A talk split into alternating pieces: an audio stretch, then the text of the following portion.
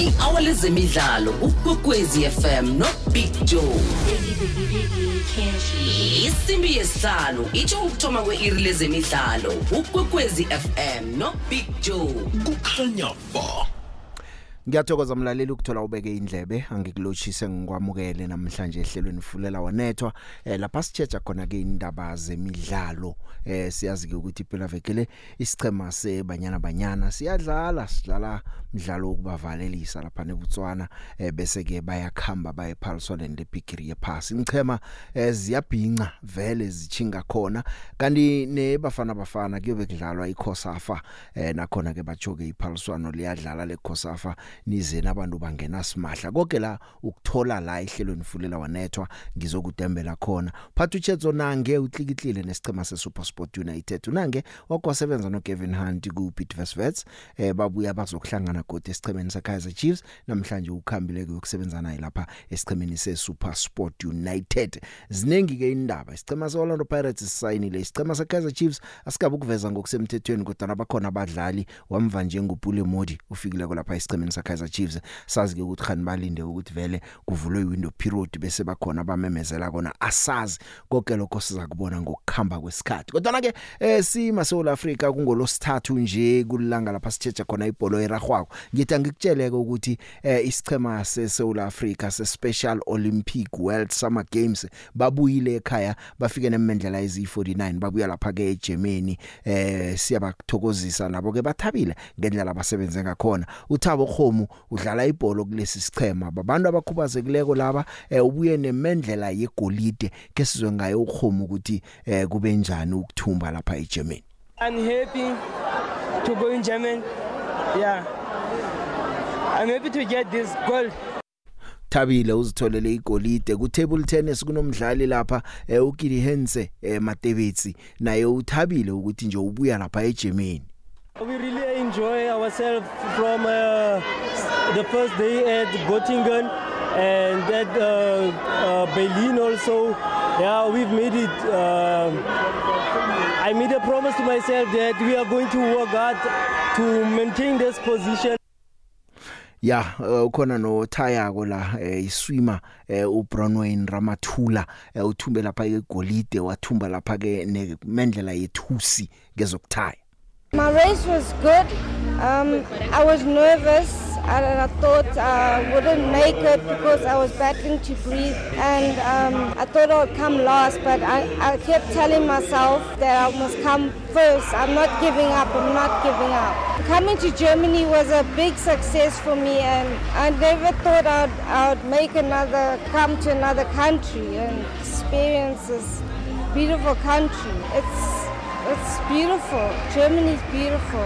The support with my mom, she supported me the whole way. My aunt supported me the whole way.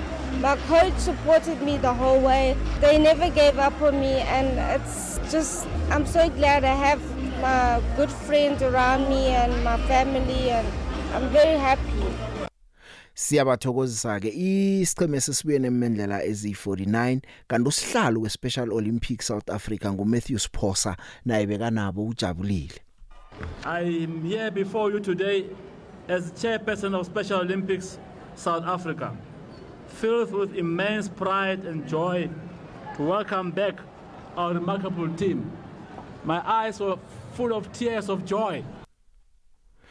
Babuyile kanti ke ngemnyangweni wombuso eh, ukhona la unkosazana Dlamini Zuma uyatsho nje ukuthi nomongameli ubalindele eh, usazobamukela bekakhona lapha eOR Tambo ayobamukela because they are Special Olympics, persons with disability. It means also South Africa ensures inclusion. Nobody must be left behind. They deserve their rights as they take their responsibility. And we are very happy. And the president is still to welcome them at the Union Building. He's very happy about it. emnyakeni wamachumi amane wekwekwezi fm sisawulethela zemidlalo zisatshisa ngehlelo lezemidlalo fulela wanethwa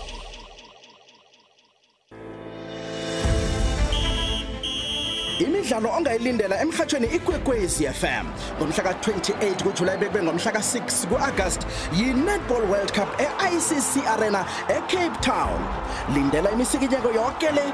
Ngisiza sibale. 5 4 3 2 1 ngomhla ka28 July bekube ngomhla ka6 kuAugust 2023 yi-Netball World Cup eCape Town. Uzoyizwa poro bunqopha. #we love it here for the love of the game. Of the game.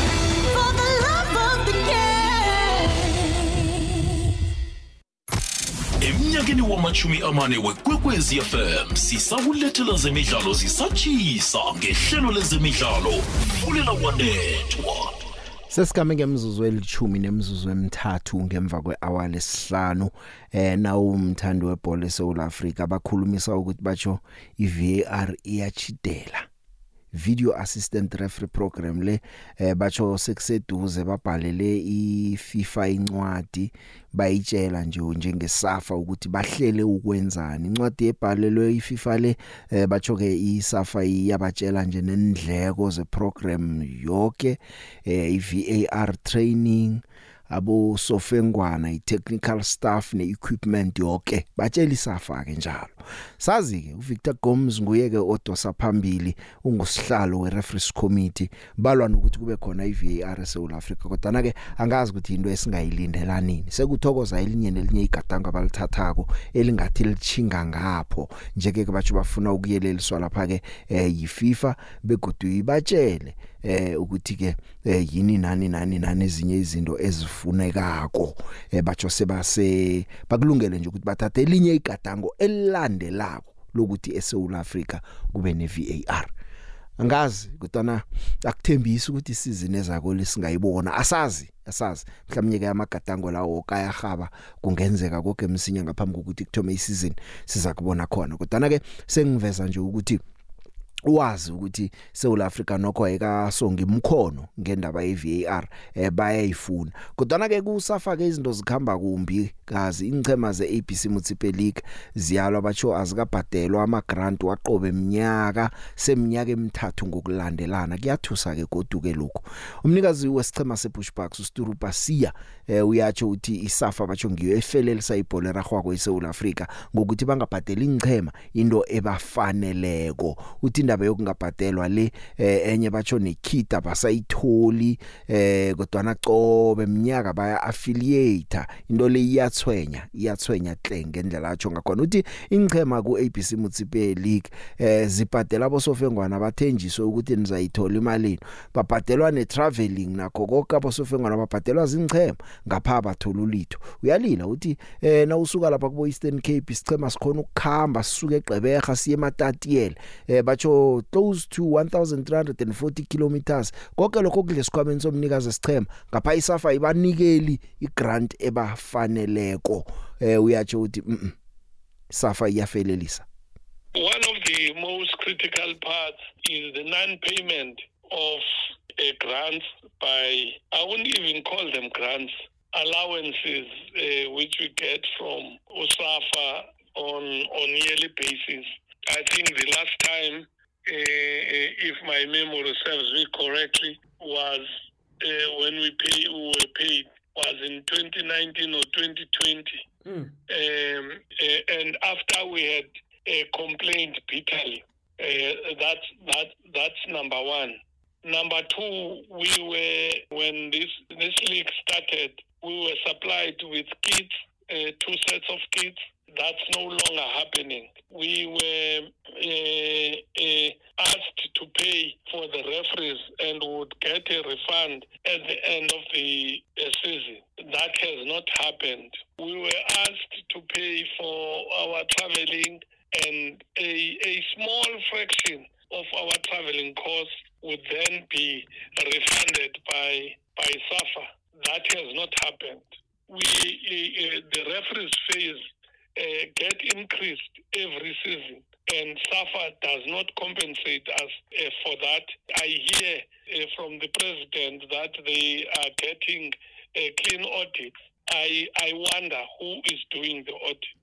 All the clubs in all the provinces have not been paid I know some have been paid once and and some have never been paid at all, including the regions and the regional uh, structures. imidlalo ongayilindela kukwekwezi FM siyokuhashela poro bunqopha iFIFA Women's World Cup ngaphetsheya kwamalwandle eNew Zealand neAustralia. Ibanyana banyana ikugroup G ine-Argentina i-Italy neSweden.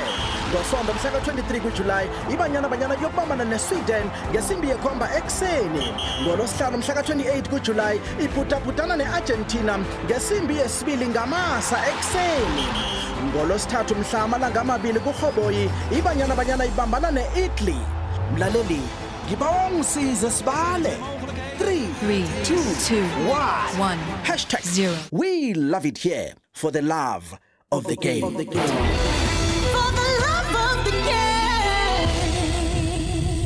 imizuzu elithumi nemizuzu ebunane eh ngemva kwehour lesihlanu. Eh ibafana bafana ke njengoba iyokudlala iCosafa Cup nje eh iCosafa Cup le yokudlalwa eDurban yokthoma ngomhla ka5 kuJuly yokuphela ngomhla ka16 eh angikutshele ke nje ukuthi bazabe babandulwa mbanduli weJohannesburg Galaxy uMorena Morebudi eh bamngezelelele sichimeni seJohannesburg Galaxy icontract yakhe ngomunye unyaka. Nguye zabaphethe isichimesi asizwa ngoRaymond Mtaka. Kanti ke imidlalo le ilapha eKingswell ithini Stadium eMlazi eChatsworth Stadium. Lapha eChatsworth eh, nePrincess Makoko Stadium kwamashu kulapha kuyobe kudlalwa khona ke. Eh Kingswell ithini eh umdlalo wokthoma eh egroupini yeSouth Africa ugroup A iEswatini yokudlala neBotswana. Yabo kudlala umdlalo wokthoma ngo3 bese ke ibafana bafana idlala neNamibia ngo4 khona lapha eKingswell ithini Stadium bese kusuka lapho iSouth Africa idlala neBotswana ngomgcibelo ngomhla ka8 kuJuly eKingswell ithini Stadium badlala ngehour lesithathu. Umdlalo wokugcina weSouth Africa wama group bokudlala neEswatini ngolosibili ngomhla ka11 July ePrincess Makoko Stadium bokudlala ngehour lesithandathu ntambama. Kanti ke iCosafa iqinisekisile ukuthi ningena simahla lapho. Amathikiti batsho ayokutholakala ematatawini lapho lapha ekudlalelwa khona. Free tickets batsho akhona kuma match venue eh first come first served. Bese uye ke uzithathele ithikiti ukhambe uyokubukela ukuthi isichema sebanyana banyana sebafana bafana saka Morena Morebudi sisebenza njani? Ngiyakhamba ngiyantolo nangibuyako ngiyokufuna lapha ke uvelile kwambuli ke sicheche amalungiselelo webanyana banyana njengoba ilungisela iWorld Cup nje. 2023 uBig Joe ubuye ngamandla ngezemidlalo.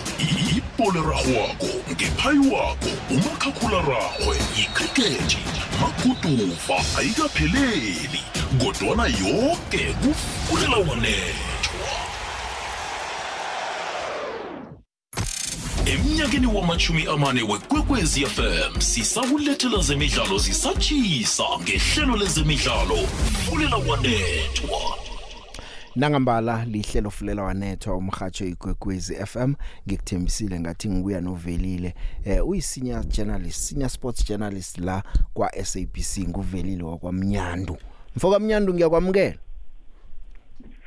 Angibingelele Tipcho nakubalaleli. Siyathokoza ukuthi namhlanje sibuye sikhulume nawe. Into zinengi kodwana asengithome ngendaba yebanyana banyana simenyezelwe isichema esiyokudlala iWorld Cup sebanyana banyana no captain Mucha ngurifilwe jani simbonile. Eh isicheme esi siya kwesibili ngokulandelana. Lapha eFrance baphuma kuma group stages bangakathumbi nomdlalo nowodwa kileli hlandla eh baya lapha eAustralia neNew Zealand. Ngokubona kwakho isichema eh usibona njani? Silunge engconywana kuna iWorld Cup edluleko namtjana kusafana na? Um Tipcho ngicabanga ukuthi eh, uma usihamba ngesipillion eh because eh, around this time kuhamba ngesipillion eh mobhekisisa eh besikhona ke eh training session yabanyana namhlanje nga- ngayibheka ne team um ngokwazi ukuthi ke bayadlala this coming uh, weekend. Eh, umdlalo wabo wokugcina la ekhaya against eh, iBotswana. Eh and ekutholakalayo ukuthi ke futhi um i i- i- isichema lesi um in terms of squad only six players. Um only six players were not at the last World Cup. Mm. um the rest of the team abadlali bekhona eh, ku World Cup edlule. So uyabona nje ukuthi ke um u coach uze lana ke ne ne team akubonakala ukuthi uyithembile and ufuna isipiliyoni kuphela. Um and yes you can you can you can say maybe there's one or two players who were left out that uh, one would feel that they should have been part of the team. But i think um the coach has more or less gone gone for experience yeah. Ngiyabona ngiyibona naku technical team yakhe. Eh uqinisa qinisile uthethe usinesipho mali ebeka iscout sesichema seKaizer Chiefs umfakile eh uyokusebenza njenge analyst batsho nomphoma Ruping eh baza basebenza no Charlene Boysen onomsebenzi omnengi naye okhona lapha esichemeni. Ngicale no Simphiwe Dludlu eh uSimphiwe Dludlu sambona ngo2022 ku Khosafa Cup a coach ayibanyana banyana le wadliwa kuma finals eh ngicale ne conditioning coach nguSimon Conley. Ungathini nje nge setup ye technical team ye banyana? Banyana yeah i think the technical team um also which also came as a result of um the the follow up and the intervention and also uh, the series of meetings between the technical director uh, Walter Steinbrook and with the technical team um including one of the recent trips la behambe waya nabo khona. So uh, after some of his observations um he felt that there was a need to strengthen uh, the technical team. But ngibonile uh, kwakhona abanye ama-reporter mhlawumbe phela ukuthi uh, they're not really following ibanya ibanyana banyana. Uh, abantu abafana no nompho maruping Mm. um he was there. Yeah. even uh, ku ku Afcon. Uh, but i was surprised ubona abanye bozakwethu be-reporters bese ukuthi umuntu ofikayo manje you know? Sho ukuthi ke ba ba edengo ba edengo sinesipho mali phezukwa kamaruping yes yes Mm. yes yes yes and then kwakhona futhi yakhumula no no Simon Simon Conley Mm. eh naye she- she's in the team bekhona Sundowns simazi kakhulu ke sebenza na under 23 previously no Owen Dagama eh so ukho- ukhona kwakhona futhi manje um uFunto Dludlu naye ke she was another latest addition from uh, towards the end of last year um in in this Banyana Banyana camp.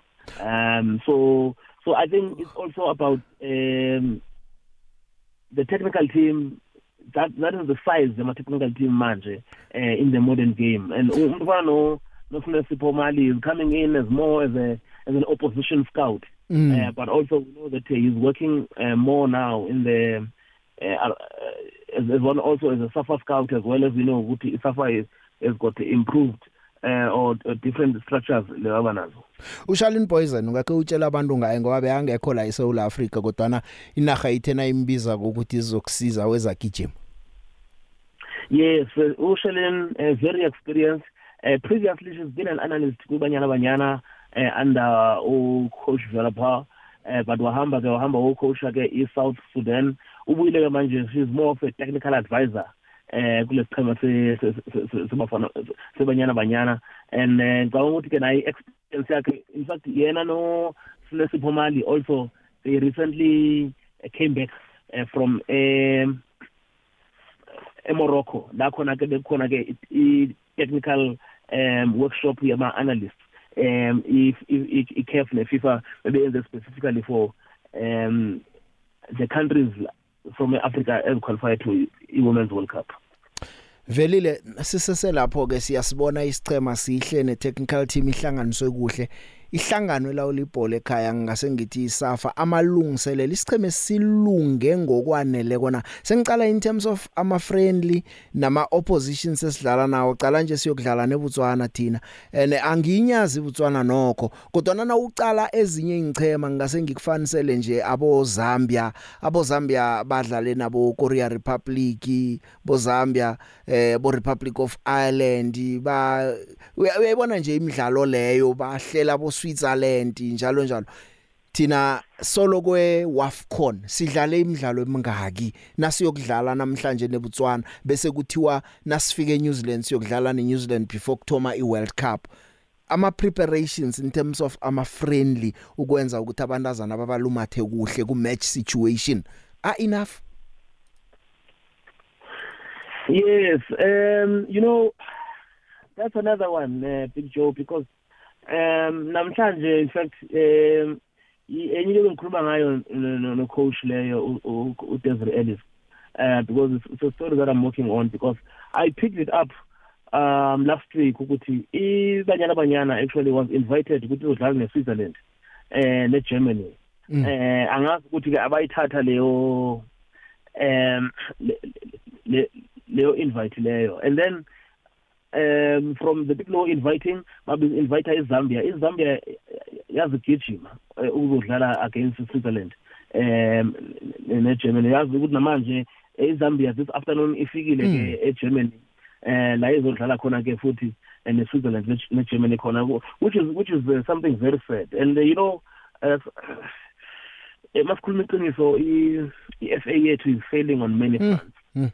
no and one of the things eyenza ukuthi i-FA yethu ifele on many fronts ukuthi ke um ingathi they are not investing enough on the technical side of the game. Mm. um i heard ukuthi even i- i-team le i-preparation for i-cosafa is really struggling for ama players. In fact remember it's it's almost a week for them today Mm. to i-cosafa cup next week. But i think they don't even more than have 15 players uh, camping. Velile bamba njalo ngiye kuma headlines enhlokweni zendaba. Ngiyabuya. Imidlalo ongayilindela kukwekwezi FM siyokuhashela poro bunqopha iFIFA Women's World Cup ngaphetsheya kwamalwandle eNew Zealand neAustralia. Ibanyana banyana ikugroup G ineArgentina iItaly neSweden. Ngosonto mhla ka-23 kuJulayi ibanyana banyana yokubambana neSweden ngesimbi yekhomba ekseni ngolosihlanu mhla ka-28 kuJulayi ibhutabhutana neArgentina ngesimbi yesibili ngamasa ekseni ngolosithathu mhla amalanga amabili kurhoboyi ibanyana banyana ibambana ne-italy mlaleli ngibawa ungisize sibale 3 Three, 2 two, 1 one, hashtag zero. we love it here for the love of the game, of the game.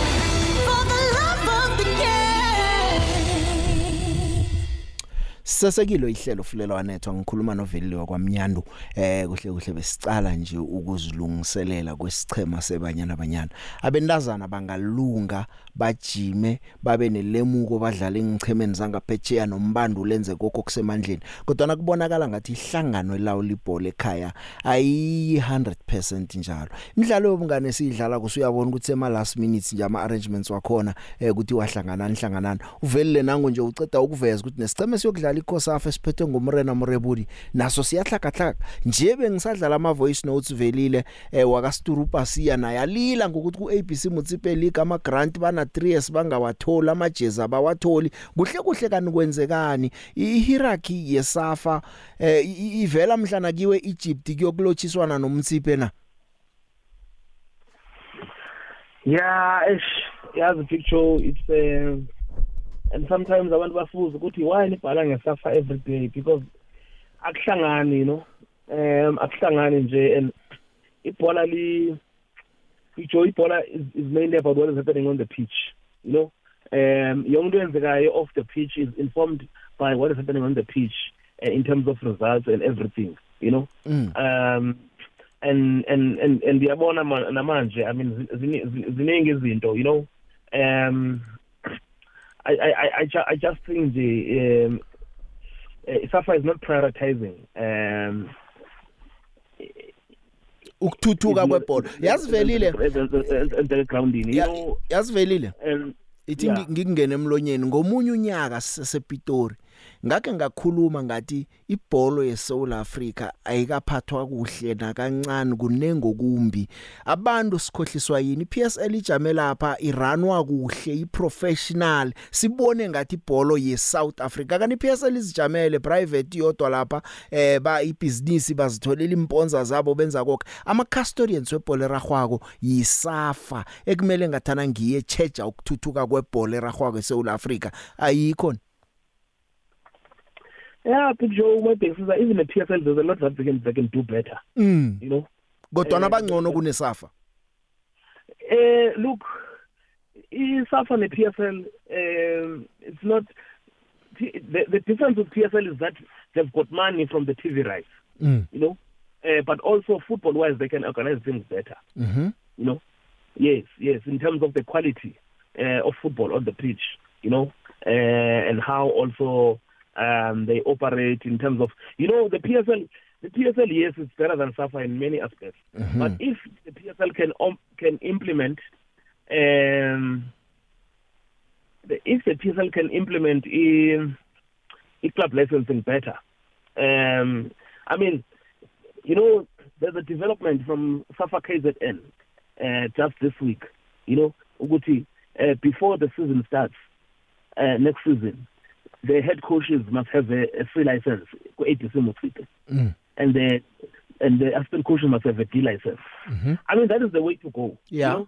And you don't expect something like that to start at amateur level. na ku PSL kumele kube njalo Exactly, exactly, exactly, exactly. So that's why I'm also saying that um, the problem that we're having at SAFA is that they are not focusing on the on the core business of the game, which is a serious concern for me. Uh, I mean, the existence of the SAFA Lapana is that the national teams and, also, and even what Usturu is complaining about, you know, don't be surprised if uh, Imutsepe Foundation is not coming back to sponsor this league because that is an indication that we're also getting good. They're not happy about a, a number of things um, that are happening. SAFA has been operating for two years now. Kumbula said the story recently without a head of security. Mm. Hence, Mm. you have a situation where they go into competitions. They've not played played adequately for uh, tournaments. You know, um, SAFA has also been operating for more than six months, uh, if not more than that, without a, a commercial uh, manager, or, you know, a head of commercial. You know, so there's no one who's been dealing with the sponsors. Then how, how are we going to at- attract sponsors? And then we are ukuthi instead of going for someone new, they advertise the position, bayofuna umuntu owayekhona ngaphambili Mm. eh wahamba and futhi there were allegations ukuthi eh, udle imali there was a, a bit of corruption but no one now is back working you know with the sponsors. So how are you going to get the confidence of getting new sponsors when you've brought back someone who who was uh, accused of corruption previously you know? So that is just not the way of uh, doing things. And i mean uh, the, yeah no. Yeah. The, the game is i mean and and, and now I'm, I'm you know i dare say that uh, I- I'm sure you will find out in in the next few days ukuthi the, the bonus issues of Banyana Banyana have also not been sorted out going to the World Cup. You know? ngaphandle kwale abayithenjiswe yiFIFA eh bona bakabe ukusota out ukuthi bo Yeah, ba bo yeah, baphanjani What I'm, no, what, I- what I'm hearing now is that isafa manje um ithi le mali i-operation yi-FIFA is enough which is which is not no no no no, no not the case we know that uh, through this scheme that has been negotiated SAFA is supposed to be getting um uh, in fact uh, 30 million rand yabo ukuthola imali njenge association Yes, about 30 million, uh, 30 million rand. So he, that that that money uh, negotiated for players has got nothing to do Mm, uh, mm. That has been negotiated by Fifth Pro. yes velile ziningi indaba zesafa eziveza nje yeah okay. Ngaphambi kokuthi ubaleke eh sinawe ngenzela ukuthi umlaleli azi ukuthi abantazana ababakhamba bokudlala silendelela ukukhulu kibo kodwana amalungiselelo wabo nesekelo abalithola kuhlangano yebholo alisi perfect ukuthi si- si- si- singathi ba ready Look, um, the girls are professional, Mm. you know, and and I saw them today, and I- I've been speaking to some of them, and even including the technical team. Uh, the coach was insisting to me the importance of having to play a, a send-off game. Actually, the the challenge that they've had is to get players to, in fact, clubs to, or in fact, uh, other countries to, to come and play them here. Uh, that is the strong countries. So I guess maybe that's that's the difficulty. But maybe the coach was also giving me a diplomatic answer Mm, because you know mm, he has to an- answer strategically uh, to to some of these things. You know, but um, I, I I think I think I think um, we also know that they've got another international friendly match where we see New Zealand New against Zealand uh, Costa Rica. Mm, uh, which we'll, we'll hope that it yeah because they've got they're in a, in a very uh, tough group you know against Sweden number three in the world uh, Italy, Italy, uh, Argentina. uh, number nine and then there's also number 29 uh, uh, Argentina. But uh, look I think looking at the team there's enough experience in the team to spring a surprise. Velile ngithokozile kodwa na sengifile ma voice note angibuza ngonabi esicemeni seKaizer Chiefs. Njenge journalist kwenzekani? Unabi ama talks araga noma afile vele kuphelile ngaye? Eh? Abalandeli beChiefs bangiphethe laba ngibuza ngonabi ukuthi kwenzekani ngaye. Kusaragwa kuyakhulunywa awu awume ngonabi iKaizer Chiefs inza ama breaking news manje. Ithini? Eh eh don't be surprised ukuthi umqeqeshi uphuma ngaphakathi omusha. Khona lapha kungabi lo kodwa kunomunye okhona ngaphakathi ozokuphatha? Ngiyakutshela. Okay. Don't be surprised if if umulefinseki uyena unyuka esihlakweni yeah. Akhe sizilinde indaba ezichezo yezwa velile okay. Ngithokozile. Okay. sharp. Yasisele ngemizuzu elithumi nemizuzu ebunane. Ngiyawabona ama voice notes maningi indaba ziseseziningi nazo. Eh nami sengikhamisile lapha ngilindile. Eh iKaizer Chiefs ithi breaking news. Kuthi ma breaking news ngimaphi?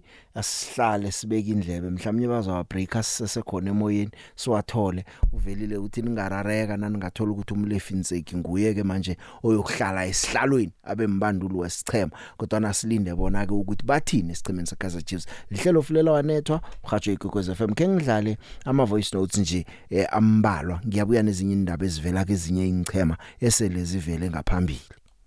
Hey Big Joe Goodman Matalane la Youth Bank. Hey yabona lokwendeka ku football football yasemzansi hey kuyadanisa Big Joe. Kuba buhlungu kakhulu na uthola ukuthi emateam awathole ama allowance awo. Sekugcina sekukosa ukuthi bakhiphe esikhwameni sawo. Lokho akuniki sibonelo lesihle kebhola lasemzansi.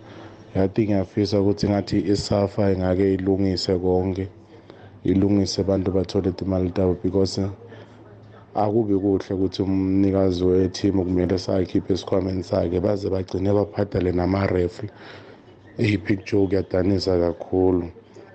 Um nasendzabeni ye-v a r eyi ngajabula kakhulu. Sibona i-v a r seyikhona emzansi. Kuyogcina kuphele ukuthi bathi hayi i-team esoso so iya-benefit i-team esoso so iya-benefit it's when singakhona nokubona ukuthi sesiyancedakala. I-team kudlalwa i-fair game. Wonke ama-team akhona kudlala akhululekile. Kungabi nokuthi bathi kunokubhenefita because lawanye ama-team sayagcina arojwe ne-obvious because bacabanga ukuthi bazothi iyabhenefita eyi ne-Kaizer Chiefs shem Nkosi yami isikhulule endabeni yecoach Nkosi yami Big Joe. Ya linda linda. Uvelile umzwile uthi ningarareka kungenzeka head coach nithole kungumulefinseki ngazi ukuthi makhosi nithini ngaye umlefinseki kodwa nabasayi break ake akhe sizobona bayimemezela. Uvelile uyikhulumile yena nje la emhathweni Eh Big Joe unjani baba? La ibona indaba yaka Danny Jordan yabhadala ama team ukuthi uDanny Jordan uzoyibulala ifootball yethu eh Big Joe why isafa ihluleka ukubhadala ama team ama allowance wabo?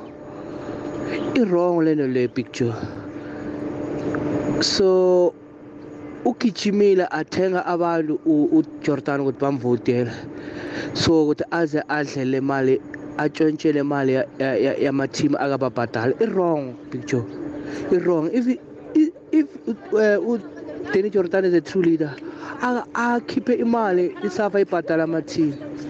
Akazazotshontsha imali ama-team asafari. Ubulala ibholo yethu picture ngiyabonga.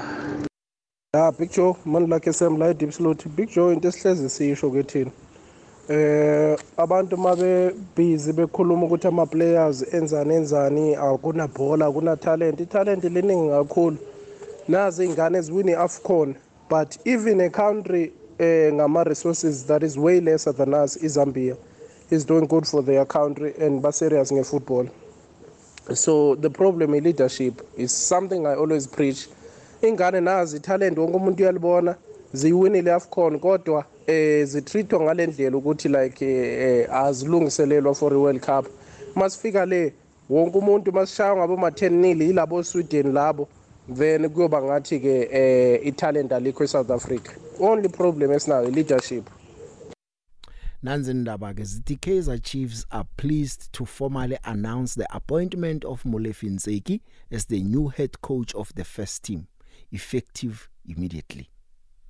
Molefi Ntseki mbanduli wesicema seKaizer Chiefs makhosi ngizakuzwa ngani? Eh tameng tameng eh, big show ka gashong ya ikwekwezi. Eh ke kutullo sello ka mo Germiston eh big joe ke tlo rata go ba mo kopana a ke tlo rata go naba ka kudu eh big joe ke tla ba ke tša gešo tša ga motaung banna gape banna ba le ba kaizer chiefs shi ba le ba kgomotše nna ke tse gore ba kgomoletseng ka gore ka kua go loke selo. Kore go tloga go sa loke selo a ba re botse selo ka coachara ba kgomotše o nyako mpotsa gore re tlo boelela gape ka zwane ao banna ke a kgopela batho ba leng ke ba re tšee serious. Nna ke tse gore ba kgomoletseng ka re a nywele gone di-playera tše e leng gore ga di ne ditlhophane jale ke bolela ka bojali le bo serero.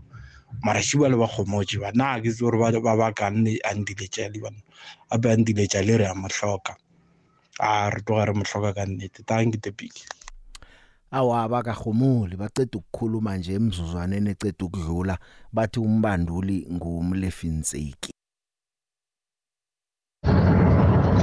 Eh sawubona Big Joe. Emva kwesikhathi eside man Big Joe. Wazona Big Joe hey sengisukile ngala eMpumalanga manje sengisebenzela ngaseLimpopo. Hayi kwekwezi ayibambi totally la ngikhona wena Big Joe. And iwest hayi ukuthi no ikwekwezi kuphela but bengikhalela ikwekwezi kakhulu ma. Yo Big Joe mangiyena endabeni eKaizer Chiefs eh lesaka le yaka yaka le story lesaka nabi yo naye wena Big Joe. Okay it's fine if abethi no ufuna ukuza ne assistant eyi1 manje bafuna ukuza bayi4 obviously abantu bayi4 lapha eChiefs bayolahlekelwa umsebenzi. Besithanda ukuthi no nakhona kube nama changes but the way lokuthi no naye udemanda ngakhona hayi shokuthi no yena no Pitso vela bayafana. Alright i-chiefs mayekele ukuthatha umulifintseki mayelande once umanqoba mnqithi mabamubhaye out wena wena wena big joe maybe something izawenzeka. Umulifintseki yena aqhubeke ngokubhekana ne-development yonke. Thank you big joe ugaji yakhulumayo la. Big joe big joe ulale nazareth small mancane makhulu akanzima kompumelelweni komhlanga. The big eh taba ya safa e utlwisa botlhoko thata thata thata eh no re tla ke picture ya gore eh the reason gore eh, re ska ba le structure se sepila in south african football eh le ko squatting the big eh ke blame safa. Batho ba ba ba ba ba ba tshwereng safa the big a ba dire tiro ya bona ga botse the big because of like bona no a ba patela eh ditlapa tso go ibisi motsepe ene rena a re bone a re tsebe selo right through uh, like we blame the coach. For example re blame coach ya squad Hugo Brook. Re sa bone gore eh go ne dilo tse di diragalang safa tse di dirang e sa di tsweletse mo rena. So ntho e affecta eh the uh, future generation the big and then e bola le momentum e bola e bola le le le le le moral wa di player le di eh team owners wa ntshwara di big eh ka go leboga monna gešo modimo go rie ka botho mfetho hello cha big joe. No arvuna big joe yabona indaba eceda ukufika manje le bathi umulife mutseki uzoba ngukhoja we-kaizer chiefs. Big joe abumlive musibabhalelwe bebakhona lapha ku-kaizer chiefs. Angazi ukuthi mhlawumbe ngibo bebascouta inini eh ngiyacabanga ukuthi ngibo bebama-scouters but manje nase yazoba ngucoach angiboni ukuthi sizokuchubeka siye phambili. Ichiefs izoba ngale ndlela lethina sibona besifisa ukuthi bengayo ama-supporters. Ukhuluma nodaniel ndobela lapha ebloemfontein. Hayi akamulifenseki mina hayi. Hey the big the big the big joe. Hey wazi into ikaizer chiefs leyenzako le? Ukusayina unseki kurehe ukuthi bamsayine. Into engayifuneki ubig joe ukuthi uzwana beseduze naye bamsuse age asuse uzwane kunseki angabi assistant asuke lapha. Iba waye ngazi bajikajika bamsabana bamdimota ucoach under 19 asuke lapha. Asuke lapho siphula inhliziyo thina makhosi. Sifuna neti coachara izoba right. Unseki angaba right uyabazi labafana naye lo coach lo ufana nosantana lo ongazazi kungazi language usoloku asokolisa kangaka. Akayazi language yala ufuna abantu bakhe bazomdolokela language akakuhambi sifuna icoach ozokwazi ilanguage asifuni umuntu ozofana nosantana nathi unseki uright big joe uright uright uright. Net uzwane asuke lapha. Uma banga- bangafuni ukumbhadala bamdemota ucoach under 19 or under 14 asuke angabi i-assistant kanseki i-hour lezemidlalo ukwekwezi fm nobig joe. Isimbi yesihlanu itsho ukuthoma kwe-iri lezemidlalo ukwekwezi fm nobig joe. Kukhanya ba. Nangambala kukhanya bha indaba ye-royal am nosemernokovic eh isesebudisanyana. I-royal am ithi yoyithathise ku-court of arbitration for sport. Khumbula ukuthi i- i- ififa yathi kumele bambhadele imali ebalelwa lapha kubo-12 million rand. Eh uleruma thobejane ojamele lapha i-royal am olicweda labi atheni eh uthi eh eh, bayabilayela bazokuya lapha ku-court of arbitration for sport. Eh i-orlando pirates itlikitlile usiphelelo baloni sakhe sakhuluma lana hosi utiyani mabaso. Sekuthi baqinisekisile badlale sakhulumako ngabo eh ubuya lapha ke ku All Stars Katlego Otladisa ubuya ku Marumo Gallants umele usibuthelezi ku TS Galaxy. Patrick Maswanganye ubuya ku SuperSport United uqinisekisiwe ke umdlali ukuthi awa uyangena lapha ke ku Riveiro eh uMoton naye lapha ke ku Spurs Michael Moton eh bekathi uya retire kodwa ngemva kokuthi bathole ipromotion bamphe unyaka omunye godi ku Tarakarak ayisuye yedwa ukhona no Nazir Ali no Clayton Daniels nabo babangezelele ngomnyaka. Esiqemeni sakaza Chiefs upule Modi naye ke agent angazi ngithi agent noma ngithe beka iagent yakhe uqinisekisile eh, uSolomon Siwobe ukuthi eh, umswalo usesicemeni seKaizer Chiefs batsho akhanga ngitshele mina sewathi wazihlikihlela nje yedwa wangifonela sekangitshela ukuthi mina sengiliplayer leKaizer Chiefs. Yena nakatshoko batsho kunengicheme ezinye bekakhuluma nazo eh nazo bezimfuna upule Modi kodwa uModi wathi angilapho batsho waziyela isicemeni seKaizer Chiefs. Kunenge okwenzekako ngiyakhanuka nawe nje ukuthi ngizwe imbono yakho isikhulukhulu ngendaba nanze ezicede ukungena zesicema seKaizer Chiefs. Yabona na kuyimarumo Gallants yona ke bayihlubahle ulisibangu ukhulunyiswa ukuthi uchinga kuSundowns. Otladisa sekaye ku Orlando Pirates. Ucela impilo ngema ukumazulu. Ulitsiye kwapengu ku eh, Richards Bay. uLucky Mohomi ku Richards Bay. uRangachi Babiro uku Chiefs. uWashington Arobi ukusikhukhuni uThato Kiba uku TS Galaxy. Ismail Toure uchinga lapha isicemeni se Stellenbosch. Kuningi nje okwenzekako nosazokuzwa eh, ngokukhamba kwamalanga. Mhlawumnye ne Chiefs njengoba yenza nje ezinye indaba ezisaza kuvela mhlawumbe baza kumemezela abadlali asazi. Or balinde ukuba memezela nakuphela kuvula iwindow period ngoJuly siza kuzwa ngabo. Ngizokuthatha imtato ngiyazi babili bathathu nama voice notes maningi kangangana ngenako ngemva kwendaba ecede ukubreaka le. Nawo ngizakunande ngwadlala ngapha ngapha isikhathi ngiswe sisigijimisako eh locha the big Patrick Mahlangu lona efunding. Eh sizokwazi ngani ukuthi eh ngoba kwasayena umulifu Nseki bekavela khona eh, ku technical team ye, ye Kaizer Chiefs. Sizokwazi ngani manje ukuthi ama plans waziwane la wenzekele ukuthi ahluleke kusizini ephelile? Eh bowangabuyi kuyo uNseki na?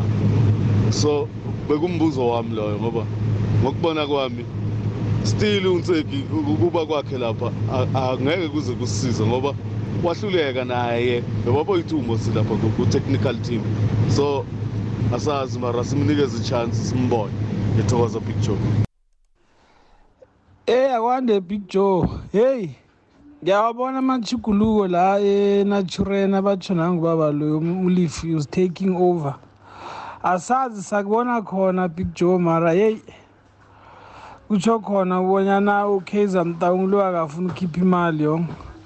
Usewathatha khona la la ngikhaya kunokuthi akuhamba yokucatsha ngaphandle uthe no ngcono ngithathe khona ngikhaya siyamalalisela umlifi ntsekile asithembe ukuthi mhlambe sichema siza kuvuka yo sithokoze Hey ya Big Joe Big Joe njani? Hey khuluma no Sunboys ekhale Paula Ogisa.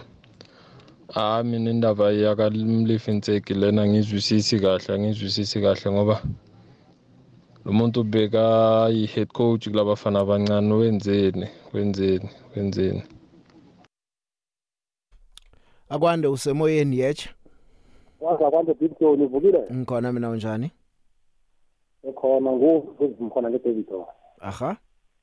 Ah big joe mina mina ngithi umlifuzekile awayithanisela mina ngithi uyayideserva big and i'm so uzaba ngcono no atazwan kala yena musibele angekho lapha ku-atazwan noma ngabe ebhentshini bengingamboni nombani kathi anganasey ungathi yena nodilon shepard bombona nje ukuthi uyasanasama umuntu ozibusako ayedwa. Nokutshintsha akatshintshi big joe kosa kutshintsha amaphika ayi-five mara ukutshintsha linye nase lo mdlalo yokuphela big joe and kade anezondo emaplayini big joe mina umlise ntekita akathiwi mina nalo ithemba big joe uzaba ngcono no-atazon big ngikuzwile ngikuzwile undu usemoyeni yetsha akwande Eh Joe. yebo Hey, ubonga nimeya la eKZN emnambithi.